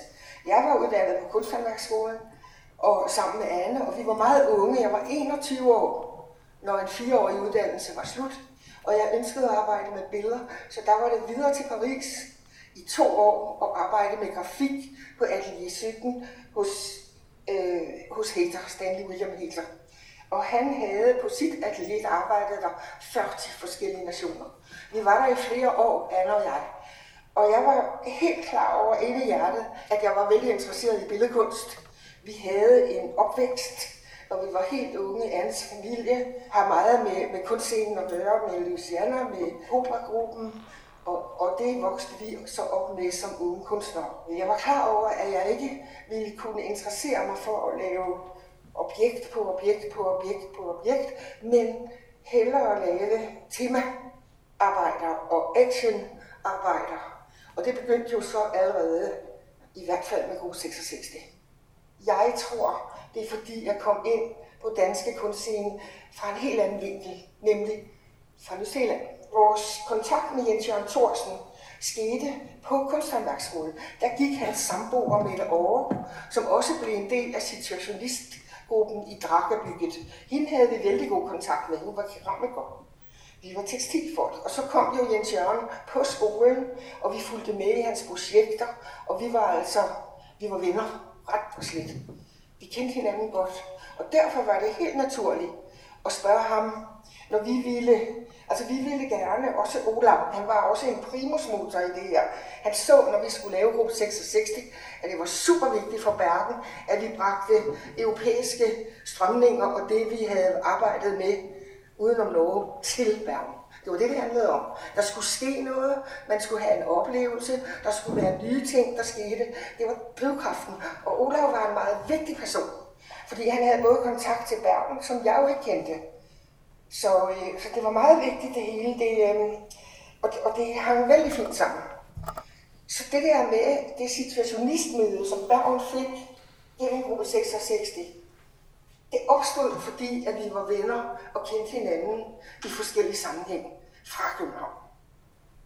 Og så nært var det, og så ukompliceret. Og, øh, og når de boede i Drakabygget, det meste af tiden, øh, Jens Jørgen boede et andet sted end går lige i nærheden, men Mette overboede på Drakkerbygget, og Anne boede på Drakkerbygget, sammen med de skandinaviske situationister og Jørgen Nash og deres action. Altså det var jo sådan, at når Jens Jørgen skulle udstille, så malede han alle billederne lynhurtigt, og han kunne ikke vente til oliemalingen tørrede. Og han tager en bil, og så klaskede han alle malerierne oven i hinanden, de våde. Og så kørte han afsted til galleriet, og så hang han hele skitten op.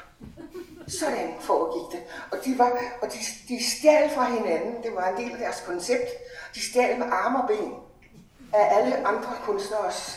Det betød ingenting. Det, der betød noget, det var at gå imod øh, konventionerne, og gå imod de økonomiske systemer og politisk være igangsætter, og, og det, det har jo også præget vores arbejde her i verden.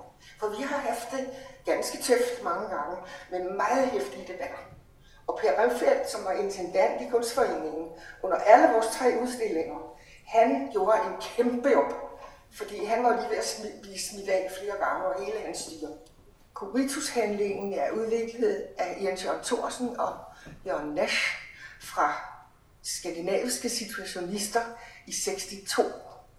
Og den er blevet øh, vist forskellige steder i Danmark og Sverige, har de samarbejdet om en kuritushandling. Det er ikke en speciel handling, men den handler, altså konceptet er slik, at man skal lave en handling, som involverer publikum. Altså publikum skal deltage, hvis det er muligt. I Bergens Kunstforening under gruppe 66, så blev der opført en koritushandling for første gang i Norge i regi af gruppe 66 og med Jens Jørgen Thorsen som central øh, leder af det, det her. Øhm, koritushandlingen var på den måde, sige, forestiller jeg Bergen i, i, i storsalen i Bergens Kunstforening, der, der ligger der et fint parketgulv. Der blev der bygget en stor plate som var øh, 2,5 meter høj, tror jeg, og 6 meter lang. Og den blev stillet på skrå i rummet, og publikum blev placeret på den ene side i en halvcirkel. Så stod der nogle stole. På gulvet lå der en del forskellige instrumenter, som kunne give lyd, alt muligt. Vandrør og alt muligt, som kunne give lyd. Og øh, på, på gulvet foran den store plade, som var en rå plade, der var der stillet op en masse bøtter og malerpensler, som øh, jeg tror, at det var et farvefirma i Bergen, som havde sponset alt det. Det var legnet op. Og der var nogle koste, og der var bøtter, og alt sådan noget, det stod der. Så var der en dirigent, for det her var en, en fælles handling, som vi også betegnede som en koncert. Der var en dirigent, og det var Stefan Rink, som øh, jo var en af de danske gæster. Øh, han havde sit fløjelsæt tøj på, svart, og han ventede på at dirigere det her i gang. Så var der to aktører. Den ene var Olav Hermann Hansen fra gruppe 66 i sit gamle malertøj og sin elskede gamle malerkasket. Så var der Jens Jørgen Thorsen, skandinavisk situationist, i en fantastisk prikket sommerkjole, som han havde taget uden på sit tøj, sit gamle tøj. Gruppe 66 deltagere, som øh, lå og sad på gulvet rundt den store plade mellem instrumenterne.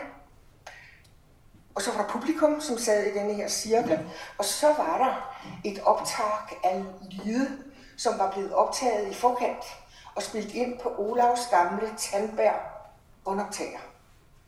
Og det var lyde, som havde en vis rytme i sig, en vis klang og en vis, øh, ja, en vis rytme.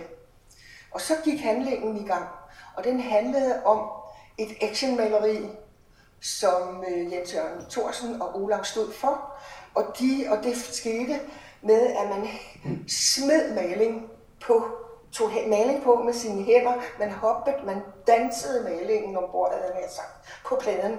I det øjeblik, det gik i gang, så var Stefan dirigent for musikerne, som kravlede rundt på gulvet med deres instrumenter og gav lyd. Og denne lyd plus lyden på båndoptageren havde en rytme, som aktørerne bevægede sig i forhold til. Altså når der var bum, bum, bum, bum, så blev der masse klatter og prikker og sådan noget. Ikke? Men det splashede jo rundt, og nok var der dækket af gulvet, men der var altså parketgulv under. Altså det kunne ikke holdes, det var, det lavede et, en, en meget stærk reaktion og action, og publikum opførte sig som om de var til en fodboldkamp. De råbte, og de skreg, og de hejede. Og det var jo lige før, at de greb malerbøsserne og var med selv. Der var altså en stemning, som jeg kan forestille mig, der er under en brandkamp. For jeg har aldrig været på en, men jeg tror det. Altså virkelig, øh, der var virkelig fræs på. Og det var, hele handlingen meget 22 minutter. Præcis. Så slog dirigenten af, og man holdt op og male. Og så var publikum, de var, havde jo også Bergens Kunstforening styre, og styreformanden, Wilhelm Holland, han købte maleriet på stedet for 400 kroner, og han skulle bruge det til at dække indsiden af sin sommerhus, eller hytte. Det sagde han i alle fald. Publikum var med på den måde, at de var dybt engageret. Det er en korridushandling. Og den kan foregå på forskellige måder. Altså i, i København og i Danmark har man malet plankeværk og sådan noget sammen med folk. Man har lavet handlinger sammen med, kunsthandlinger sammen med publikum. Konkret analyse var en udstilling, som Jonas Ekeberg, han sagde, at gruppe 66 handlede om kunstens frigøring, vældig enkelt sagt. Konkret analyse handlede om kunstens død, og samliv handler om en tilkobling til et sociopolitisk emne. Men han sagde, at det var vældig enkelt sagt, men det er hans ord. Konkret analyse var lavet på den måde, at hele kunstforeningen var dækket af svart plast. Så det var ikke muligt at se noget som helst af kunstforeningen Insight. Og det sorte plast kunne bruges til at skrive ytringer på med sprayflasker, som også var tilgængelige. På videoen fra Kultur fra Studio City, taget af NRK, der ser man ind, der er man indenfor selve udstillingen. Vi lavede jo konkrete tekstiler til konkret analyse. De tekstiler, jeg var med at lave, var samfunds satiriske dragte og hatte. Og vi var en gruppe, igen Anne Hedegaard med sine dragter, og jeg, som lavede hattene, og der var mange. Og så havde vi to af vores kunststudenter med, som handlede sammen med os i sidste ende og, at lave projektet færdigt. Vi fik liten tid som altid. Så de har lavet et par hatte og en dragt, der er lavet. Og de var vores hjælpere i udstillingen, fordi konkret analyse er bygget op på den måde, at man kommer ind i selve indgangen til kunstforeningen, er en motorvej. Og når en motorvej er bumpet, så erstattes den af store metalplader, som runger vældig, når du går på dem. Så det var måden, man kom ind, og så var der motorvejsskilte, og indgangen ligger jo midt i bygget. Og på pladsen var der skrevet, kunsten er død, og så var der skrevet, øh, støt krigen i Vietnam, send din søn. Stop med at lave kunst. Tag hellere stilling til noget fornuftigt, eller noget, som du kan kommentere i samfundet. Og sådan nogle ting var der skrevet med spray, som selvfølgelig vi havde skrevet. Og der kom man så imod, og så gik man imod et stort hjul på endevæggen, som man også kan se, det kan man se der, og en bro over motorvejen, som er dækket med filer.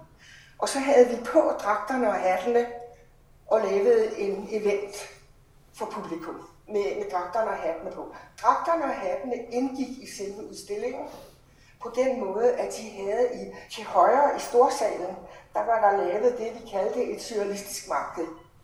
Og for 1100 kroner var der købt i nedfaldshuset i Bergen og bygget op store platforme på, en stor platform på, på øh, øh, lastebilhjul med alt vores videoudstyr og filmudstyr på toppen.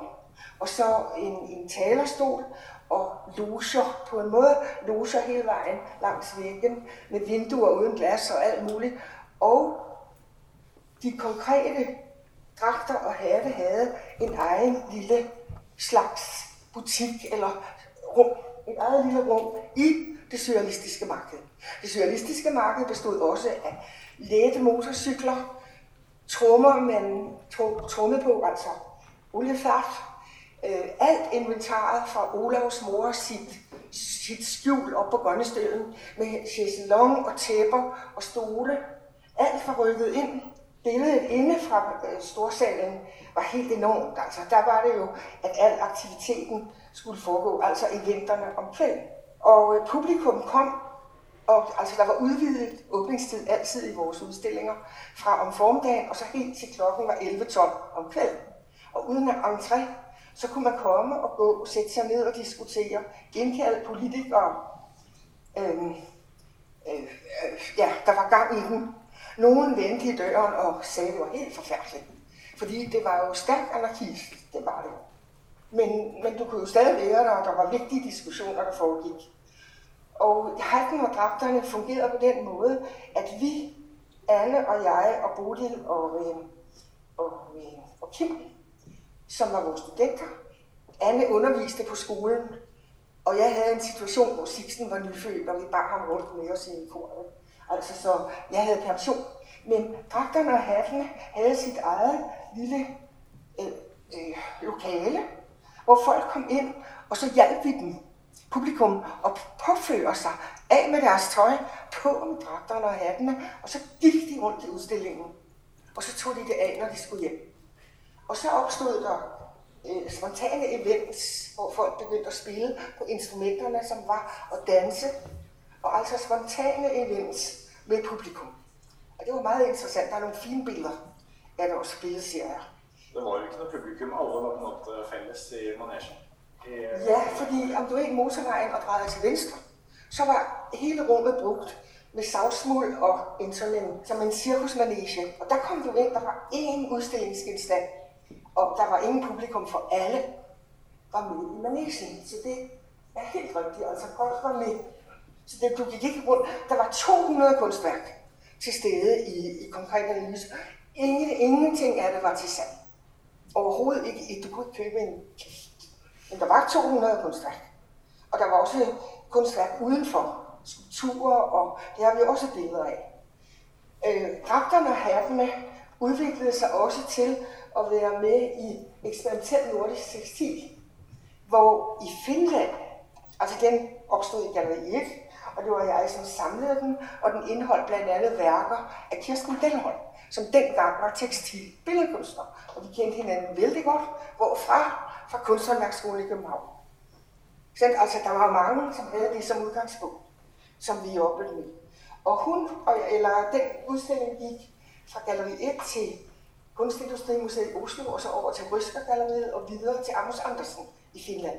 Og der udstillede vi dragterne og hattene. Først udstillede jeg nogle, nogle billedtæpper, jeg havde, men jeg tog ud og udstillede dragterne og hatten.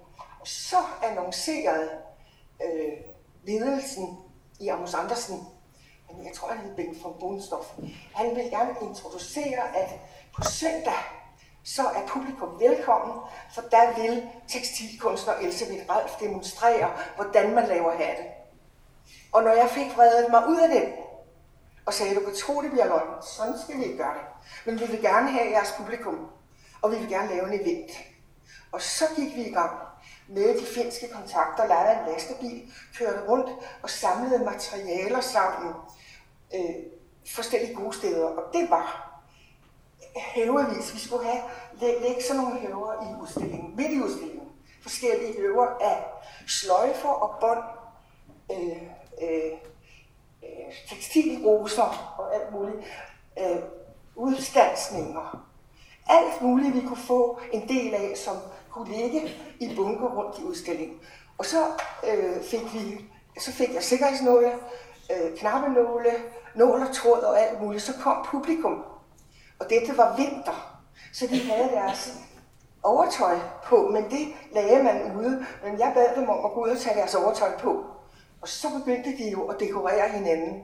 Det var ikke mig, der viste dem noget. Det var publikum, som begyndte at sy tingene på hinanden, med inspiration selvfølgelig af, af det, som var udstillet. Og så gik de hjem med det på. Og det var de stærke her. Det skulle de ikke tage det af, fordi det var tilhørende udstilling. Der kunne de pynte hinanden, og det var vældig, vældig sjovt. Og så gik de ud på gaden. Og det var et vigtigt skridt videre. Men I kan se, at det, det handlede om, det var kontakten med publikum. Og frigjøringen av publikum, på en måte. For det, det blir jo understreket i samtalen at det er jo, handler jo om at man skal, publikum skal tenke selvstendig. Ikke? Ja? Og selvstendig valg, ikke spørre om lov til ting. Og du skal ligesom lægge tingene til rette. Så det gjorde vi, og det viser sig jo, at det er fuldstændig parallelt med, hvad de skandinaviske situationister også foretog sig. Og indstillingen var også parallel. Men det vidste jo ikke vi. Vi var bare tidens generation dengang og handlede sådan. Vi kunne ikke vide det. Nu kan du se det. Nu kan du se, at også samlever har samme, har samme koncept, nemlig engagere publikum, undervise dem, lære dem noget, lad dem være der, give dem, give dem pensel og papir, lave, lave, lave, lave vægaviser, hvor de kan skrive alt, hvad de vil. De eksisterer også. Og debatbøger og sådan nogle ting, ikke? hvor de skriver, at hvad er det her for noget idiotisk, og er det kunst, og hvad fanden skal vi med det og sådan noget. Ikke? Og det er et interessant dokument. Nu står vi under livmoren fra udstillingen Samliv, og vi står foran p-pilleplanchen, som fortæller om forandringerne i livmoren, når du bruger p-piller, minipiller og i en naturlig cyklus. Dette er et forsøg på at kunstnerisk bearbejde medicinsk information, og det var det, udstillingen gik på, men den udvidede til også til samlivets egne temabilleder. Der var en meget stor hjem af folk, der jobbede. Øhm, jeg øh, er en af initiativtagerne til denne her udstilling, og også en, som indførte den og jobbede med den i fire år, også som vandringsudstilling. Sammen med øh, biokemiker Inger Grund, som er Lauri Grund sin kone. Så vi to. Men så knyttede vi jo til os kunststudenter, medicinerstudenter øh, på skolen, hvor jeg underviste, der fik jeg lov til, og vi fik lov til at lave det som et studieoplæg. Og vi brugte to år på at informere os og udarbejde tingene. Og for at folk skulle vælge, yes, det vil vi gøre, i sit studieoplæg, så måtte jeg få det godkendt. Og min drøm er selvfølgelig, og det kan I jo se på samarbejde mellem mine studenter og mig, og flere gange, og jeg op skulder ved skulder med mine egne studenter. Fordi der har jeg indtryk af, at der lærer man altså mest. Det er en fantastisk situation. Men det er en drøm for en, for en som skal overføre viden og få lov at jobbe så tæt med nogen. Det er super at få lov at lave rigtige ting. Det, det her er mit arbejde. Jeg var i en gruppe, som jobbede med øh, prævention, med med p-piller, minipiller og livmoder. Og jeg var sammen med Sisse Kalmeier og Ingrid Egeberg. Og øh, dette her er det, som jeg brugte min tid på at, at, at visualisere. Men under stærk og kyndig vejledning af medicinerstudenter og læger. Det kollektive er jo vigtig i alle de tre utstillingene vi har snakket om. Det kommer kanskje særlig tydelig frem i Ja. samlerudstillingen. Det er rigtigt, det, det er en stærk kollektiv øh, handling, det her altså. Det er rigtigt, og det var jo altså også konkret analyse og 66. Men 66 er selvfølgelig den mere, en mere normal situation med hver vores kunstværk og indfaldsvinkler. Konkret analyse er kollektiv. Og, og samliv i endnu større grad. For der jobbede vi i to år med at forberede os, diskutere, fungerer det der, fungerer det ikke, og hvis det ikke fungerer det, så må du lave det om igen. Du kunne altså ikke komme og sige, det er min kunst, og jeg vil gerne. Nej, det handlede det ikke om. Det handlede om, hvad fungerer, hvordan kan vi gøre. Og udstillingen øh, var på den måde, den åbnede jo i Bergen Kunstforening igen. Og, den, øh, øh, og det var sådan, at skoler, skoleklasser kunne bestille tid og få undervisning af medicinerstudenterne i udstillingen med informationen. Og det fungerede. Og vi fik vældig fin feedback. Vi fik fra, og vi fik støtte fra Socialdepartementet, Undervisningsdepartementet, Kulturdepartementet, alle kommunerne. Og kunstnerne fik vederlag, og vi gik i, altså vi havde jo altid underskud, men simpelthen den gik i balance. Det sier også noe om den, den norske konteksten òg, da. Altså Ja. støtteordningen. Og det er jo på en måte en eh, Ja, det er fantastisk fint. Og så bad de jo Sverige og Danmark. De sagde, vi vil have den, kom med den. Og så sagde de, nej, fordi så må den jo omarbejdes. Den er jo lavet på norsk. Så og vi skulle bare sætte den videre som fænomen. Men dengang nej. Dengang mente vi, at den skulle fungere. Og vi havde jo et, en, et øh, oplæg i Kunstnernes Hus, hvor den blev vist i Oslo, hvor der var 75.000 publikum, der kom og så den på tre uger eller sådan noget, eller mindre. Og det er lige så meget, det ligger lige under høstudstillingen i publikums publikumsantal. Så der kunne den ikke fungere. Der var ikke tid, rum eller ro til at undervise. Det eneste, man kunne gøre, det var at lede folk igennem og stå med nogle tårer og sørge for, at der ikke blev kaos. interessant ting som du nevnte, har nevnt tidligere, er jo hvordan det tenkte om tekstilen. Så det kunne brukes til å hverdagsliggjøre den eh, seksualinformasjonen. Ja, fordi det handlede jo om at knytte sig til en hverdag. Og hvad havde vi? Jo, det tekstile materiale. Og det skulle udprøves, og det var, det var, og det var jo ren forskning også, altså det kan man godt sige. Fordi det var jo noget med, det der vil vi, fungerer det?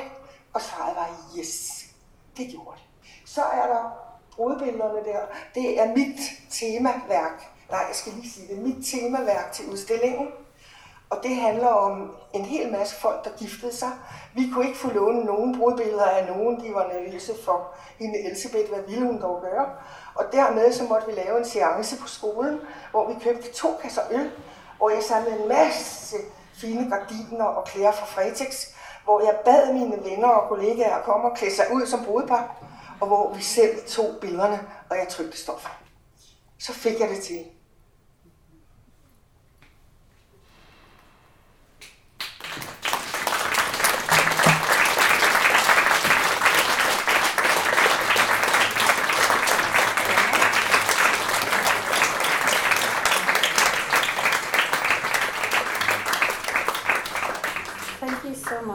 Think the energy and the urgency of the work that you did at this point really comes through.